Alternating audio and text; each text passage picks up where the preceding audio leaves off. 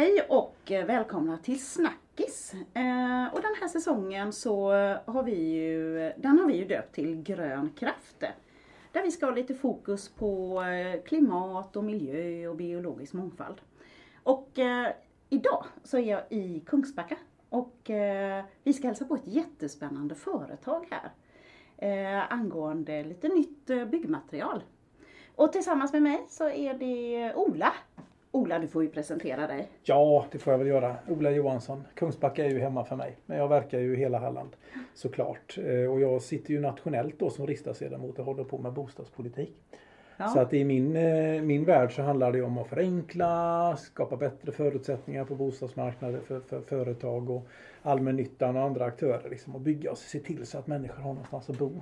Det är ju jätteavgörande för hur man ska kunna liksom, forma ett bra liv ja. för sig och sin familj mm. eller, eller sin jobb eller sin utbildning. Att man hittar en, en bra ändamålsenlig bostad. Och det byggs ju så det knakar. Eh, ja. Men, men, men, det finns ju också en, en, risk med att det byggs så det knakar. Det byggs, att det byggs fel och dåligt och att det vi bygger inte är hållbart. Mm. Och det måste man se till att undvika. Bygga in liksom systemfel i det vi bygger nytt. Utan det måste vara hållbart, bra, socialt, ekonomiskt och ekologiskt. Precis.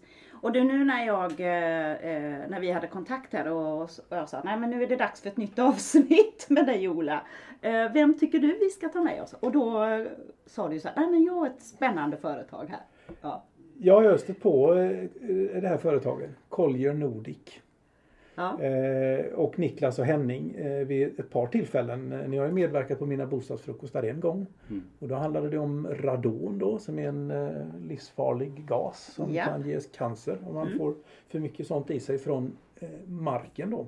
Och kanske ibland ifrån byggmaterial. Precis. Ja. Eh, och, och, då, och det var ju, nu vill jag ju lyfta fram ett byggmaterial som inte bara kanske har ett visst skydd mot den typen av gas utan som också är, är, är skapar en grund som, är, som kan vara bättre än alternativet då, det vanligaste alternativet och det är ju mm. betong. Mm. Som också är skadligt. Ja. Men också väldigt användbart såklart. Ja, och, då, och det var ju då som eh, du sa så här, nu ska Niklas och, och Henning få prata här. Så ni ska få presentera er lite. Vilka är ni? Och ert företag? Henning, ska du börja? Ja, jag kan börja. Ja, Henning Eliasson heter jag och eh, vi, eh, vi har ska man säga, gett oss in i byggbranschen relativt nyligen. Vi ville göra en skillnad där eh, kanske branschen behöver, det är en bransch som behöver lite hjälp på traven. Så som vi såg det. Och då har vi eh, valt att jobba med, eh, till början, med det här materialet vi ska diskutera idag. Eh, ja. Så vi, vi är nya bygg, men vi, vi har Eh, ja, nya idéer och andra sätt att se på det som vi tror kan vara nyttigt eh, i en konservativ bransch. Så är det ju, för byggbranschen är ju, är ju konservativ. Eh, jag har ju själv lite bakgrund inom den och, och även, även i familjen så har jag ju liksom byggare och VVSare och så. Jag brukar säga att det, det, det är en konservativ bransch som eh, behöver kanske lite nya klimatsmarta tag. Mm. Ja. Och Niklas, ska du få ja, presentera ja, dig också? kul att vara här. Niklas Holmqvist heter jag och kollega och affärspartner med Henning. Och vi lärde ju känna varandra på Chalmers i Göteborg där vi pluggade olika ämnen och gjort olika saker i tio års tid på varsitt håll. Eh, och faktiskt jobbat som företagare i andra konservativa branscher. Så det är ingenting som skrämmer oss utan vi snarare motiveras av det. Vi tycker att förändringen är en del av målet. Det är det som är roligt. Företagande handlar ju som så mycket men vi får energi av att eh, skapa och förverkliga idéer som ger en positiv förändring. Och det har vi gjort i lite olika branscher och sen när vi kände att vi var färdiga med det för, efter tio års tid så sa vi gemensamt att byggbranschen, eh, som många säger, den är konservativ av olika anledningar men den kanske inte nödvändigtvis behöver vara det. Men däremot så behöver den förändra sig. För den mm. står för väldigt stor del av eh, klimat och miljöpåverkan. Och samtidigt finns det ett stort eh, behov av nya bostäder. Det byggs mycket och det kommer byggas mer. Så de två faktorerna tillsammans utgör ett problem. Hur ska, hur ska det lösas? Och lite naivt så sa vi att det kanske vi ska ta oss an på något sätt. det var där det började för två år sedan. Ja. Precis, och som Niklas sa, vi är ju entreprenörer i grund och botten. Och entreprenörer gillar ju när det är stor förändring. Då trivs vi bäst. För då ser man många nya möjligheter. Förändring ger många möjligheter. Så, eh, och bygg kräver nu med utmaningar som finns stora förändringar. Ja, och det har jag ju sett eh, framförallt nu som sagt var i somras här när, eh, när det blev brist på, på cement. Ja, så är det. Och, och det. och det händer ju nu i en tid när, när vi verkligen behöver bygga mycket bostäder. Eh, vi byggde ju miljonprogrammet här nu för vad är det, 60-tal år sedan. Ja, och miljonprogrammet ja. är ju, präglas ju väldigt mycket utav en, eh, ett byggmaterial och det är ju betong. Mm. Eh, och det är klart att betong är ju ett viktigt byggmaterial ur många aspekter. Vi behöver ju betong när vi bygger Varbergstunneln till exempel. Ja, då, mm. och, så, och vi behöver ju den i, i en massa olika andra sammanhang. Men men eh, när vi då ställer om till en, en effektivare byggbransch där vi klar, ska försöka klara oss med mindre betong så ska vi också se till så att vi är lika effektiva som man var under, byggbra- eh, under miljonprogrammets dagar. Det vill säga att man producerar väldigt mycket eh, under, på, på kan man säga, ett lite serietillverkat sätt. Då, ja.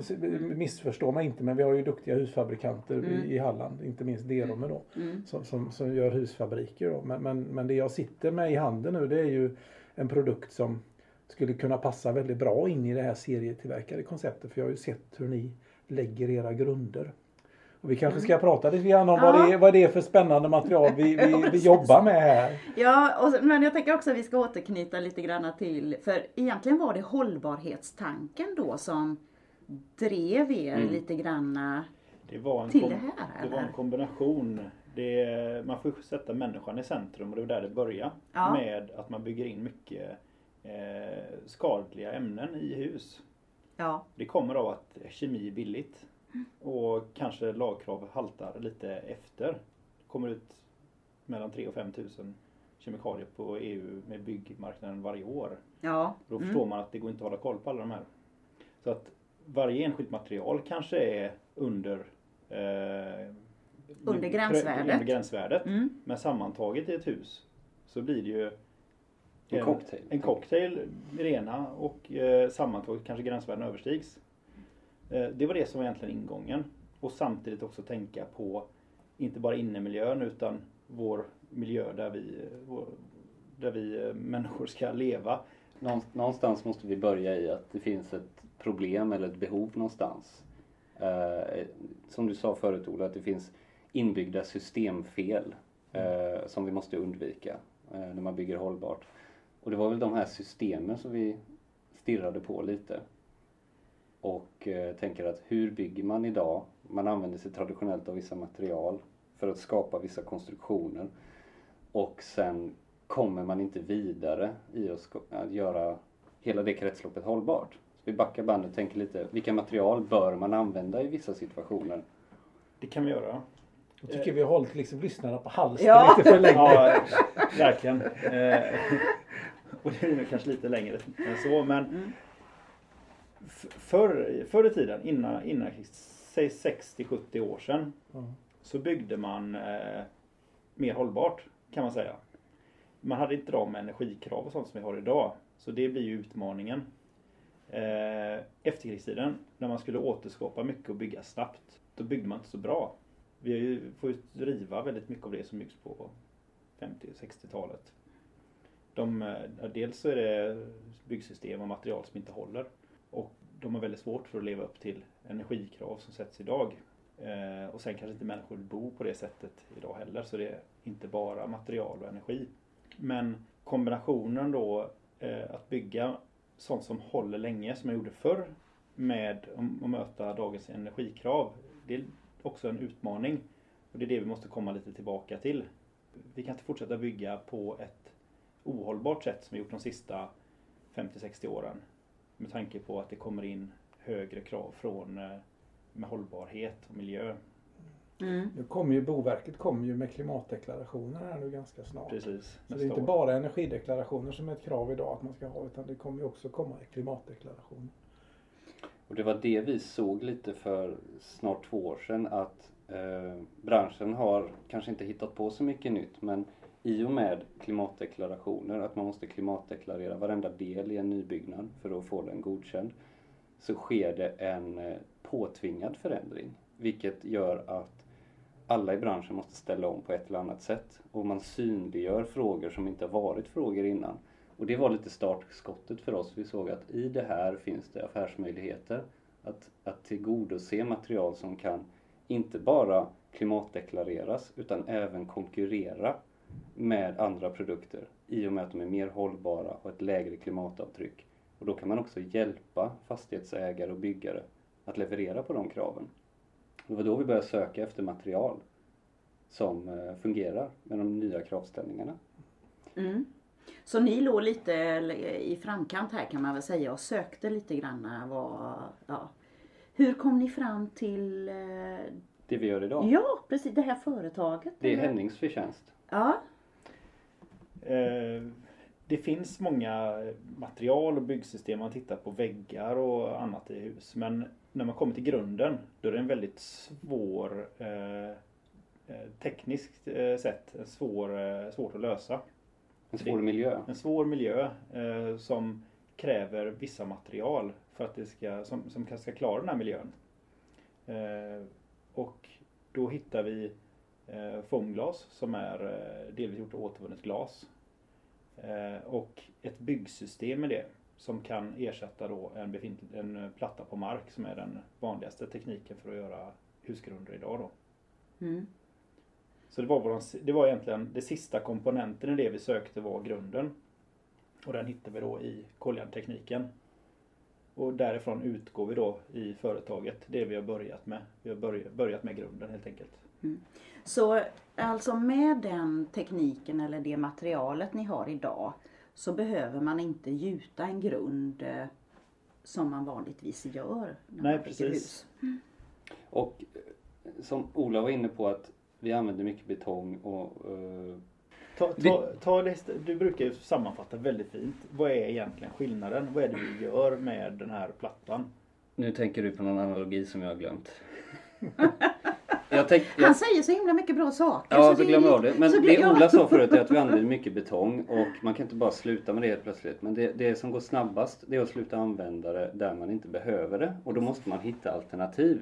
Istället för att bara byta ut betong som ett material. Mm. Och då finns det många ställen man tar för givet som man använder betong till idag. Eh, och det är ju framförallt småhus eh, upp till fem våningar med trästomme. Det är ju kanske det mest hållbara eh, bostaden man kan göra då, att man bygger i organiskt och trä. Och alla dessa bostäder eh, idag görs ju med en gjuten platta oftast. Ja. Eh, man, man fokuserar rätt mycket på betongen men till volym sett så är det cellplast som isoleringsmaterial. Mm. Det är organiskt och fossilbaserat men det går, åtgår ju väldigt mycket betong också. Och det är väl där vi har fokuserat att alla dessa byggnader behöver inte betong eller cellplast utan kan man använda vårt byggsystem istället som eh, till stor del är gjort på återvunnet glas Eh, inte nog med att man slipper gjuta och slipper eh, plast som en isolering så får man då en konstruktion som är närmast odödlig. Den åldras inte och isolerar extremt bra.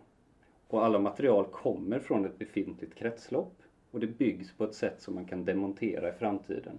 Flytta grunden, använda den till annat eller i det sista skedet materialåtervinna det igen. Mm. Så att det vi tycker är intressant med detta det är inte bara att man kan sänka klimatpåverkan utan man inför också ett så kallat cirkulärt byggande som man har nytta av i framtiden. För att man behöver sluta utarma naturresurser och man måste använda mindre energi och sänka klimatpåverkan. Och de förändringarna måste vi börja tänka om idag. Man måste designa flöden och produkter på ett annat sätt. Mm. Och det är väl det vi ger oss in i och det är mycket vi kommer hålla på med men väldigt tydligt blir det med betonggrunder. Ja. För det, det ser var och en varje dag nästan. Mm. Och de kan vi byta ut. Mm. Ganska enkelt och på ett rationellt sätt som Ola nämnde. Ja. Det är en industriell produkt. Mm. Inte bara en, eh, en klurig lösning utan vi kan producera det på stor skala också. Mm. mm. Jag har ju varit tillsammans med Kristoffer Bergenblock i Varberg, ja. eh, Centerpartiet mm. och, och, sett på förskolan Hoppet i Göteborg. Och var, vi var ju där när grunden lades. Och det tog ju bara, det, det, jag uppfattar som att det tar bara några timmar att lägga ut de här, eh, ska man säga, de här modulerna då mm. med krossat foamglas. Ja. Eh, på, och, och, och, när det väl är på plats då kan man börja bygga huset ovanpå. Men bara för att jag är kanske inte är så tekniskt bevandrad men foamglas det är alltså bilglas va? Ja. I princip kan man säga. Gam, gamla bilrutor som är återvunna. Eller, eller har jag fel, fel då? Eller är det, det vad är det för del... typ av glas? Ja. ja. Mm. Ja, är som du säger, det är gjort av eh, en stor del återvunnet material. Och det är mycket bilrutor. Annat glas också, planglas och. Annat som har relativt hög kvalitet då. Som mm. man kan återvinna på detta sätt. Det är alltså inte gamla flaskor? Och, och vet inte hur stor andel det är Nej. gamla flaskor. Eh, det är nog en annan ölburk kanske, jag vet inte, flaska. Eh. Var får man tag i det materialet? Är det på våra liksom, eh, återvinnings... Eh... Precis, det är lite utanför egentligen vårat så. Men de har en, Fångglas är, det är en producent som har funnits sedan 30-40-talet. Mm. De har två fabriker i Europa. Och runt de här fabrikerna så har de ett upptagningsområde på, står någonstans i EPDn om det är 12 eller 20 mil, det får inte vara för långt. Där samlar de in glas som kan användas i deras produktion, då, bland annat bilrutor. Sen är det en viss mängd eh, råvara, alltså fältspat och eh, andra tillsatser som, som gör att det här blir den produkten det är då. Mm. Mm. mm. Men, vi kan, vi Men det, det, är ju ett material och man gör en isoleringsskiva av det där och det har funnits på marknaden länge. Men det unika är ju att sätta det i ett byggsystem. Ja, jag tänkte att jag skulle berätta det vad det är för någonting. Ja. Mm. För det, Tack. Ja, så tar vi in det lite tidigare. Ja. Eh, Fångglas är då isolerskivor eh, med standardmått som finns i, i bygg 60 gånger 120 cm. Och varierande tjocklek, varierande trycktålighet och varierande lambdavärde och isolervärdet. Eh, där den isoleringen som används som vi använder i, byggelementen har ett väldigt lågt lambda med en väldigt hög isolerförmåga. Och det är ju då alltså eh, slutna glasceller som är helt gastäta. Och det gör ju att den håller väldigt, väldigt länge. De har provat den här eh, isoleringen i åldringsmaskiner och den stoppar på 400 år. Mm. Eh, det är den enda isoleringen som isolerar lika bra under vatten som ovan och tål eh, väldigt höga temperaturer, inte brännbar och så vidare. Så, så tekniskt sett är den extremt hållbar. Extremt Man kan hållbar tänka sig att jämföra liksom en plastmugg med, med ett glas. Ja. Det är liksom mm. liknande mm. analogi man kan göra. Ja precis, mm. men det kan alla relatera till att om du lägger en flaska eller en glas i, eh, ner i jorden så händer ingenting med det. Nej, nej precis. Det, det är mm. mekanisk mm. nötning som ska till då. Mm. mm. Så det vi gör är att vi använder fångglas eh, och bygger eh, stålkassetter. Och då har man en, en standardmått på stålkassett som man kan använda som eh, i ett system i en grund. Eller som en vägg eller som ett trasselement eller tak. Och den här kassetten den är skruvad så den går att eh, ta tillbaka och demontera. Man kan demontera den som hel kassett från huset och använda den någon annanstans. Eller man kan bygga ett nytt hus på samma plats, på samma grund. Och man kan ta tillbaka materialen och återvinna dem också. Så det är både återbruk och återvinning. Det låter ju, vad säger man? Ja, inte för bra för att vara sant men det låter som att det där borde man ju självklart, så, så borde man ju bygga. Men ja. de flesta materialen slängs eller förbränns. Utan det är väldigt mycket så konsumtion inbyggt i bygg. För att man reser upp en byggnad och sen rivs den och, och mer eller mindre förbränns. Och väldigt lite tas tillvara på. Och det kanske är till största del för att man inte varit så intresserad av att ta tillvara på delar i bygg. Man pratar ju om att man måste återbruka mer. Men mycket är ju att materialen kanske inte ens kan återanvändas. Så man redan från början har ju underminerat den möjligheten. Ja, många gånger eh, alltså upplever jag ju att det blir fyllnadsmaterial. Alltså det kostar mm. mer att ta, hand, ta tillvara på materialet när man, när man mm. river och renoverar än, mm. eh, än ja precis. Så, så det är ju ingen cirkulär ekonomi utan det, ofta säger man ju att det går till kross och så blir det fyllnadsmaterial. Precis, det blir en ja. downcycling. Man, som i fallet med betong en, en platta på mark som man ska då eh, försöka återvinna. Det får man ju krossa och då går betong, stenarna, bitarna tillbaka och blir fyllnadsmassa i ny betong. Så det är inte Mm. riktigt återvinning. Nej. Eh, Och cellplasten, den får man ju försöka ta tillvara och elda upp. För den går inte att använda igen. Nej.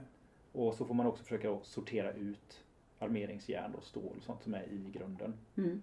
Eh, Men där finns också väldigt mycket plast som då har egentligen fastnat då med all den här betongen. Det är ju en kompositprodukt när man gjuter saker och det är väldigt svårt att separera. Ja. Mm. Men du, jag tänker så här, ja, det, det låter ju, precis som du säger, det låter ju nästan för bra för att vara sant här. Mm. Har det funnits, eh, alltså vilka, eh, har det funnits lite sådana här eh, knicks på vägen som ni har behövt att behandla? Alltså svårigheter innan ni kom fram till just den här produkten eller? Eller så. det, det man ska säga är att det här är ju en, en teknik som vi har eh, tagit över. Ja. Så den Mm. har ju 20 år på nacken. Mm. Där vi egentligen bara kommit in de senaste åren. Eh, Så alla de här det är mycket av det är redan gjort. Den Ja. har liksom blivit testad av RISE. Det finns brandprover och det finns ETA-godkännande och allt möjligt. Mm. Eh, Det vi gör är egentligen att försöka att marknadsföra den på ett annorlunda sätt. Mm. Där den får rätt sammanhang. Men det kan ju också vara som så här att det behövs rätt timing. Ja. Och eh, Mm. nu kanske det är rätt timing. Eh, Jo, det precis så kan man det. ju säga. Alltså, det- debatten om klimatomställningen har ju pågått ganska länge och det som vi, som vi sa innan då att de här små förändringarna kanske inte gör att folk vaknar. Utan det krävs ett, ett, en rejäl händelse för att det ska bli ett uppvaknande. Att införa klimatdeklarationer det kan ju ett krav som kommer uppifrån. Mm. Men det som hände i somras det var ju då att, att inte Cementa fick fortsätta bryta kalk i Slite. Mm. För att miljötillståndet gick ut och, och Mark och miljööverdomstolen var inte beredda att ge ett nytt tillstånd och då plötsligt liksom, då försvinner ju lejonparten utav all betongtillverkning eller cement för betong i Sverige Mm. och vi måste importera det här från Kina Mm. eller Turkiet eller alltså andra stater som vi kanske ty- inte tycker om får en sämre betong dessutom. ja, precis. Men då, då Mm. blev det ju en händelse och, och jag, ni nämnde ju att, att det, är en konservativ byggbransch. Mm. Men det spelar ingen roll hur konservativ man är i byggbranschen. Nu är man ju tvungen att tänka annorlunda. Mm. Eh, Ja. För att det här händer då. va. Och, och då är ju frågan om, men då, då borde ju, det borde ju liksom, marknaden borde ju ligga öppen för sådana här produkter. Eller, vad, vad, vad, vad händer nu då? Vad är den stora utmaningen just nu då för eran del utifrån Ja. det? Ja, vi har fått ett samtal faktiskt från en hustillverkare som var lite alert och förstod att det kanske kan bli ett problem med betongen då framöver. Ja, Det är inte ja. bara, det- det är inte bara ett samtal utan Vi kanske är väl alar- alarmistiska liksom, för det är klart att det kommer att nu, nu har du ju kramlat igenom en, en ny tillfällig lag som ska lösa det här problemet ja, men jag tänker vi måste temporärt då. Va? Ja, men, men men, det- det är ändå Det är ett exempel på en, eh, vad säger man, man kan kalla det ett uppvaknande eller ett ifrågasättande för att man går till jobbet och man gör som man alltid har gjort ungefär och man kanske är medveten om att det vore bra att minska användning av betong eller andra produkter som är belastande. Men när det kommer ett förbud och gör att du kanske inte kan köpa produkten då är det ju många som ställer sig frågan vad gör vi istället då? Och det är ju i sådana händelser som, om vi ska kalla det här för alternativa byggsätt, hamnar lite under luppen. Vi, Ja. vi och andra som erbjuder något annat, de får ju en chans att visa att det finns alternativ. Mm. Och på många ställen kan andra alternativ funka lika bra eller bättre. Så att det är ju egentligen att man tar tid att eh, och omformulerar eller synliggöra sitt beroende av någonting. Mm. Och eh, i, i det sammanhanget så är det väldigt positivt i en förändringsprocess. Vi har ju tittat på betong som en, en långsam utfasning. Men sådana här plötsliga skeenden ger ett litet knyck i kurvan. Så det är många som har hört av sig som inte är intresserade av att bygga mer hållbart utan de bara är intresserade av att bygga överhuvudtaget. Ja, ja, precis. Så att eh, det blir en blandning. Man kan ju säga att alla våra kunder är intresserade av mer hållbara lösningar. Men efter i somras så ringer alla kategorier då och Mm. undrar hur kan man göra på annorlunda sätt. Precis, och det är allt från egentligen privatpersonerna till eh, medelstora och större företag. Mm. Och bland de största som har faktiskt hört av sig. Ja, absolut. Det är en, de har väl gjort en omvärldsanalys. ja. Se vad finns det för alternativ för det här kommer bli ett problem framöver. Och vilka, ni sa det, det är både privatkunder och, och eh, företag liksom, som ni har som kunder Mm. eh, idag. Om man till exempel pratar kostnader här mot, alltså vad kostar det Mm. Och använda eh, foamglas då i förhållande till, till betong eller cement. Ja. Det beror på. Ja. Det är väldigt stor skillnad på vad det kostar att göra en platta på mark. Om man jämför till exempel Stockholm eller Kungsbacka eller någon annanstans. Mm. Så det är allt ifrån ungefär samma pris skulle jag säga till eh, något högre. Mm. Och det beror på vad man räknar in i detta då. Branschen drivs väldigt mycket av pris och den är ju liksom dresserad och optimerad för pris. För det är ju det man eh, handlar upp på. Inte så mycket av liksom hur en produkt fungerar. Och Ja, Jag tänker livscykelanalys och sånt det, också. Det är, det lite- som är det intressanta här. För vi säljer väldigt mycket på det. Att Ja. Om du gör en livscykelanalys på ditt hus och byggnad överlag och alla materialflöden. Då är ju det här byggsystemet helt oslagbart. Eftersom materialen är gjorda för att hålla väldigt länge. Eh, Men i de flesta fall så kostar det lite mer i inköp. Eh, Och då gäller det att man tittar i sin kalkyl och ser att hur tjänar vi in det här? Du får ett hus som håller längre, drar mindre energi och så vidare. Givetvis är det värt att det kostar lite mer. Mm. Eh, Och, och det är ju det långsiktiga. Mm. Sen är det väldigt mycket man kan räkna in eh, redan från dag ett. Ola var inne lite på det när man besökte hoppet. Ja, precis. För om man eh, jämför med en betongplatta på mark så kräver ju den, förutom monteringen, av allt som ska till innan man börjar gjuta. Så när man väl har gjutit så ska den ligga och torka. Mm. Och det är ganska länge. Och tar man med det i sin kalkyl så blir det plötsligt ganska vettigt att, att se på någonting som inte har torktid. Så att vi gör ju en grund lika snabbt eller snabbare som det bara tar att göra armeringen på en vanlig platta på mark. Mm. Och sen kan man börja bygga huset direkt. Mm. Och har man större byggnader då som eh, En stor yta en stor yta, förskolor till exempel, Mm. och eller två, eh, tvåvåningshus och sådant. Då, då sparar man in kanske sex månader.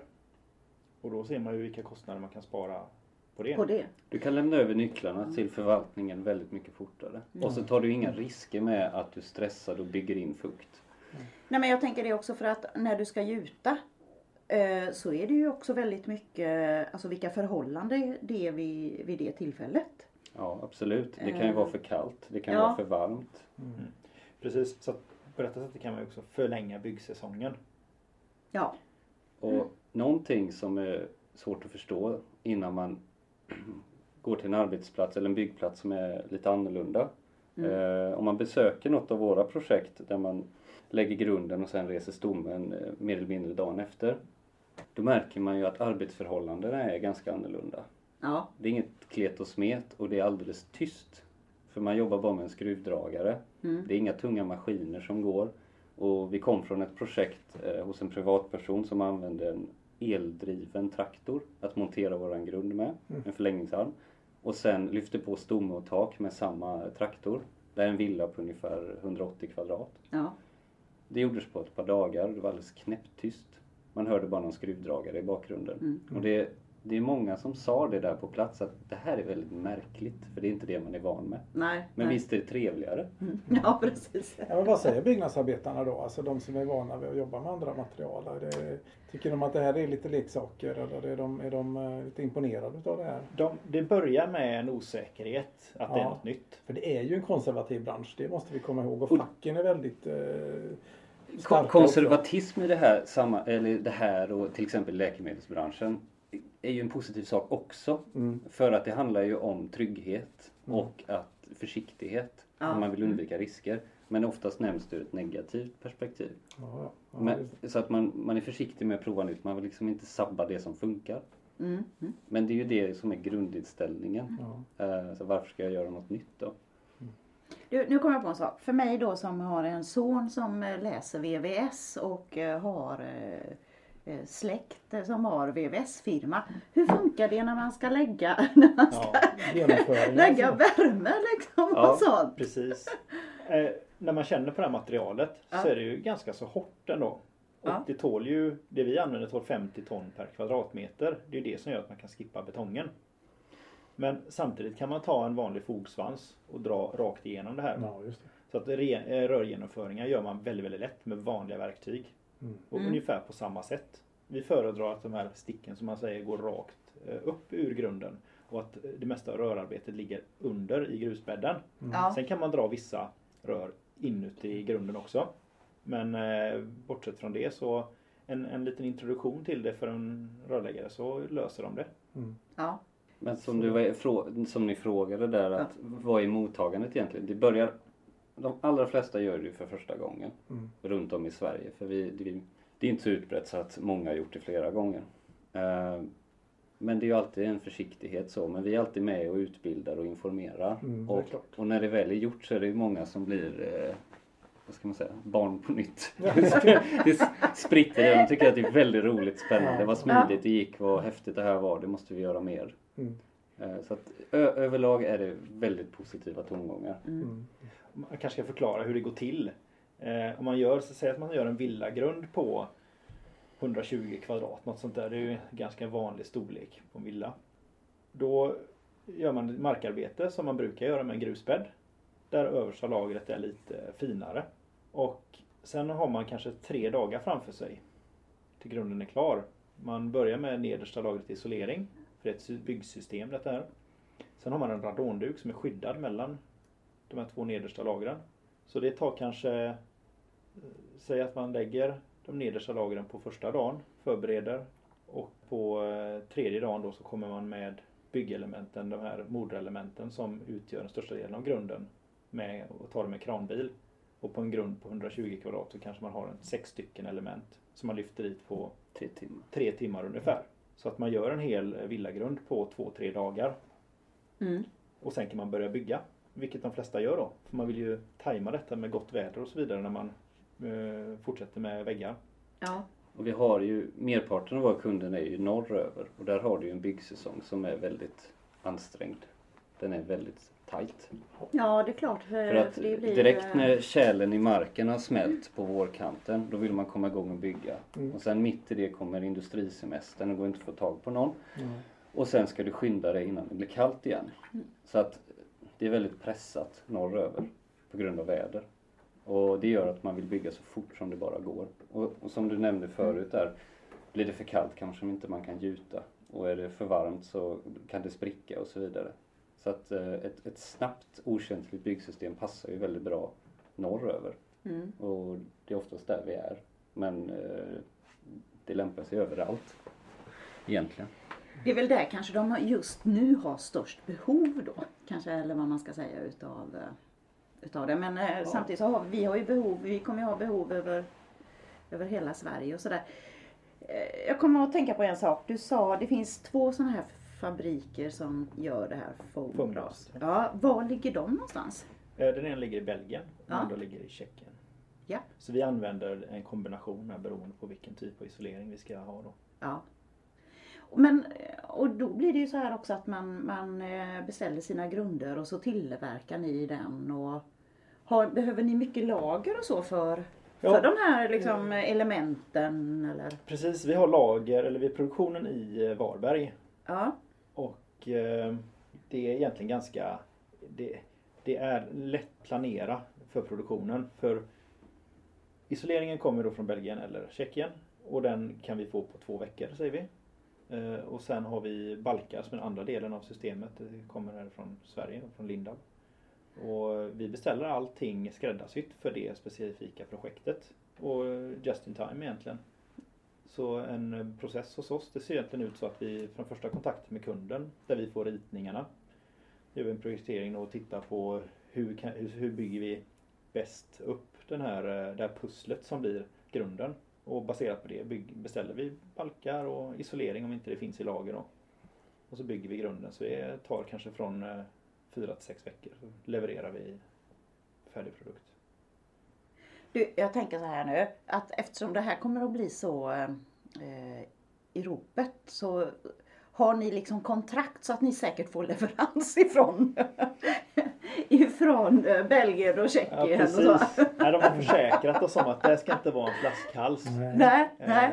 Eh, det, det är ju producent, en producent som är faktiskt på storleksordningen med Cementa. Mm. Så att i Sverige är det kanske inte så känt och så stort men eh, i Europa så eh, mm. används väldigt mycket foamglas. Ja. Och Det är få privatpersoner som känner till det. Ja. Mm. Eh, Men det används väldigt mycket i så här svåra sammanhang där det måste vara tätt, tåla temperaturer och så vidare. Mm. Men, men det som gör er unika då, nu, nu tänker jag att vi ska, kanske ska rekapitulera lite grann här nu när vi Ja, sitter här. ja, Lena ja. Språng och Ola Johansson från Centerpartiet och pratar med, med Niklas Holmqvist och Henning Eliasson från Collier Nordic. Och pratar om, om byggnation då eh, och hållbara byggmaterial som Ja. nu är er produkt då baserad på foamglas E. Eh, så eh, vad skulle jag ha sagt? Nu tappar jag tråden lite grann här nu men, men eh, den används ju i många olika, olika sammanhang men det som gör er unika det är att ni använder den för att, för att göra husgrunder egentligen kan man säga. Det är det som är Precis. det är helt unika med er. Eh, och här kan man ju börja prata om, ja dels är det ju tillgång som, du- som du säger Lena, Ja. då, att det verkligen, verkligen finns. Speciellt nu mot bakgrund utav att vi eventuellt får en cementbrist och att vi kommer att få klimatdeklarationer på byggnader. Mm. Och att det finns en debatt som handlar om att, att vi behöver fasa ut eh, klimatpåverkande byggmaterial och välja exempelvis trä då. Ja, Eh, Så då är ju det här en produkt som är i ropet. Men, men, men ser ni att det är fler aktörer som är på väg in här nu och kopierar era produkter? Eller har ni, har ni skyddat dem på något sätt? Eller är det bara att ni är bäst som gör att ni säljer mest? Ja precis, det senare skulle vi önska. Men vi, den är, det är en patenterad teknik. Ja. Så eh, än så länge så är vi ensamma om den. Mm. ja. Mm. Och det är ju häftigt. Och det finns också eh, bara en tillverkare som gör en tillräckligt bra isolering för att klara detta här. Mm. Så det, det är en väldigt stor eh, kontrast egentligen mellan det som används idag om man tittar prestandamässigt med cellplast Mm. och cellglas. Det ena är glas och det andra är plast. ja. Eh, Så det är det som är stora skillnaden. Mm. Men nu på kort sikt om man ska Mm. blicka framåt lite så är ju vi ensamma om det här. Men om det ska bli hållbart i, i Norden så kan vi ju inte fortsätta vara ensamma med Nej. det. Det kommer ju komma varianter på det här. Vi ser, alltså vi ser en... Eh, vi tänker ju långt här. Och då ser vi detta som att i princip så är det ett bra sätt att bygga på. För man använder material som tål att vara i en miljö nära marken där man har ångtryck och fukt och allt möjligt. Skadedjur. Eh, det, det är som vi sa väldigt få material som klarar av det. Och när man har ett system som klarar den miljön då möjliggör det att bygga med annat som är mer hållbart. Biobaserat material är ju ett hållbart sätt att bygga på. Och eh, då kan vi skydda det.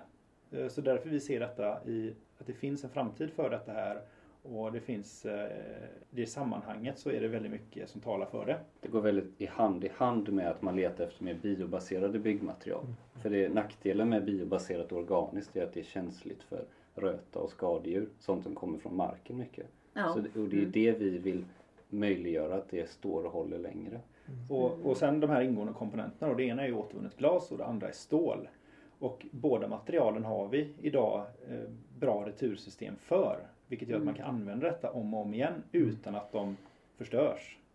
Så det kan bli ett helt cirkulärt system i framtiden. Och nu tillverkas det i Belgien och Tjeckien, själva foamglaset. Men det finns ingenting som hindrar när det är större efterfrågan på produkten att detta görs i Sverige. Där vi till och med också har renare energi. Mm. Och vi också har tillgång på mycket returglas. ja. Så då blir det ännu bättre. Så därför hoppas vi på att egentligen, som Niklas sa, är vi kanske inte ensamma om detta framöver utan vi kan visa att det här sättet går att bygga på. Och sen följer andra efter. Mm. Vi, vi måste vara fler som, som driver detta framåt. Och som, som vi säger då, apropå det här andra byggmaterialet betong då, så har, den har ju sitt användningsområde. Jag pratade med en, en geolog som, eh, för jag ville ha lite uppgifter om hur mycket betong som går åt och då säger hon, och då, då kan vi prata om, vi nämnde Varbergstunneln innan. ja, Vi har ju precis. Västlänken-projektet. Mm, mm. Vi ska bygga he- höghastighetståg genom hela Sverige. Alltså det Mm. kommer ju att finnas en enorm efterfrågan inom infrastruktur på, på betong. Och då säger Gunilla Fransén som geolog till mig.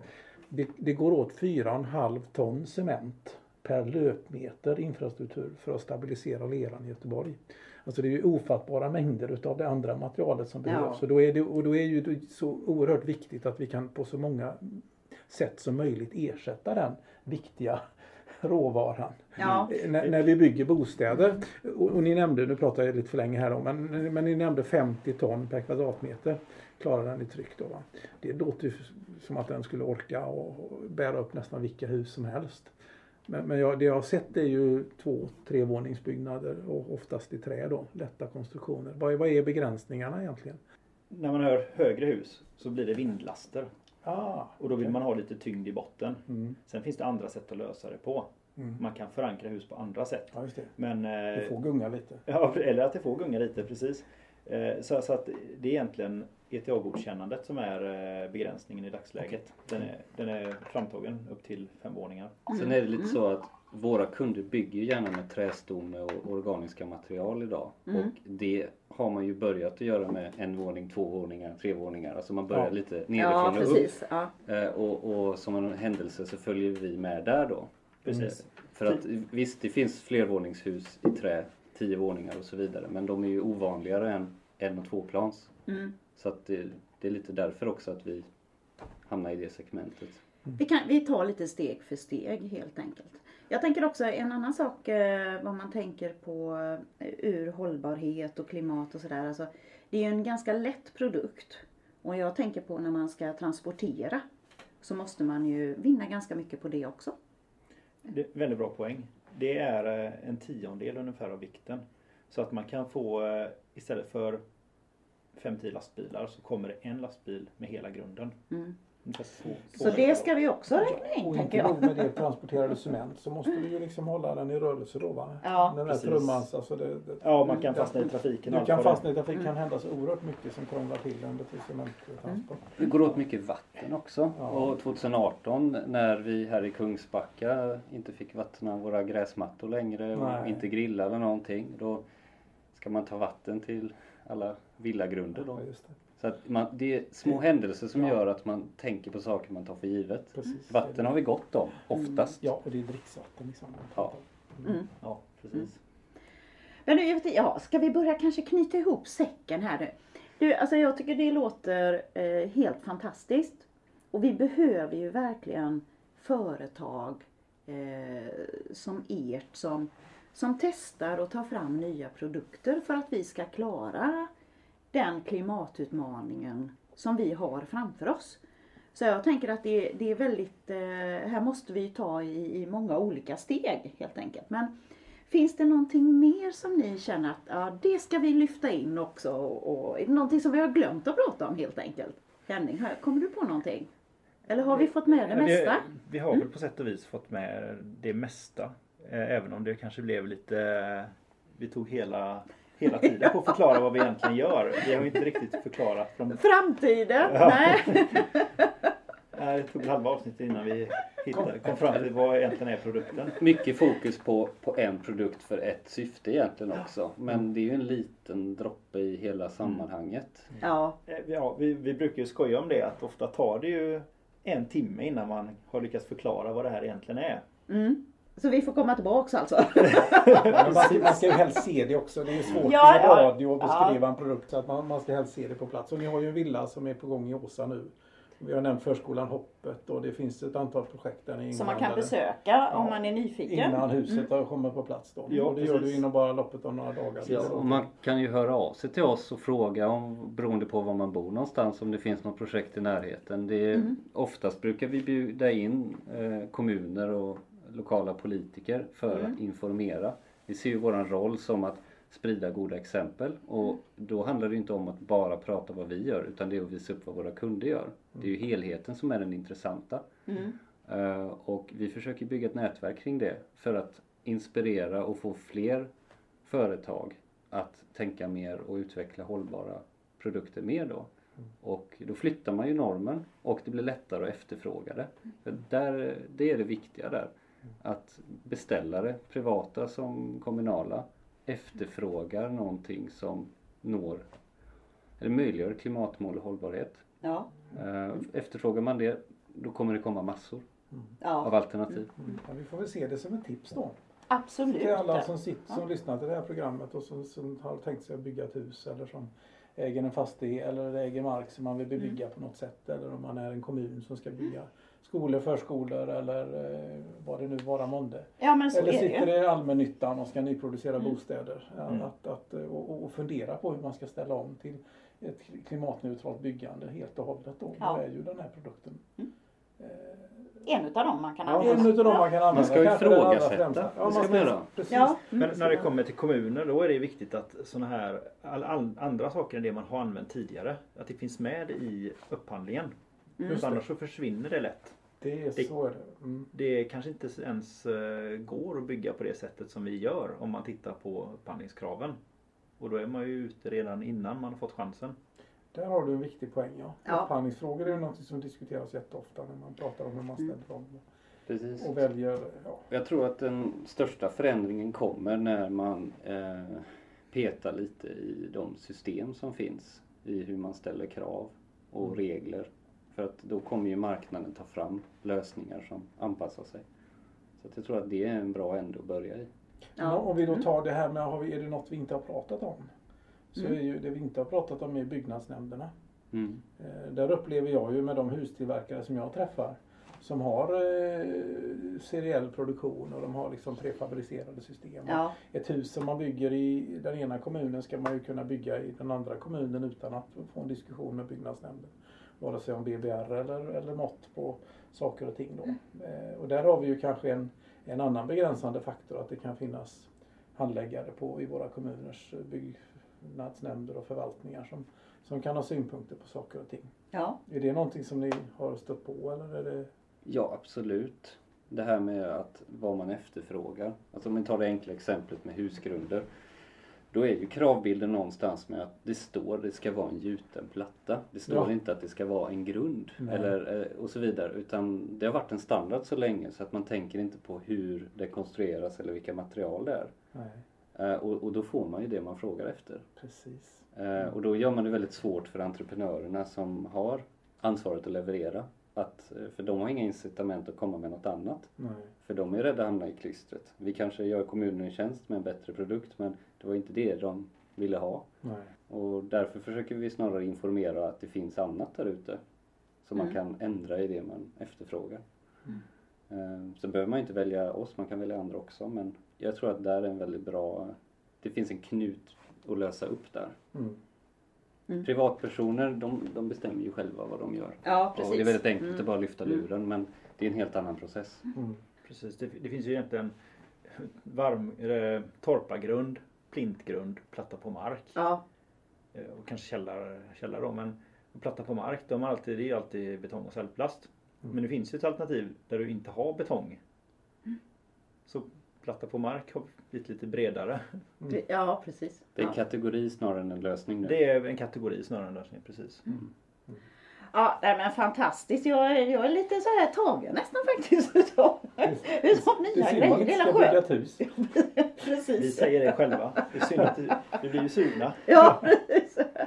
Men alltså jag får bara säga tusen tack för att vi fick eh, komma hit och besöka er och höra om det här eh, spännande företaget som kanske egentligen då har funnits länge men, eh, men ni utvecklar det ytterligare. Mm. Säger jag. Så att, eh, ja Ola, vi säger tack och hej. Vi säger tack och hej. Ja. Tack, för att Tack så kom. mycket. Ja, Tack själva. för. Mm.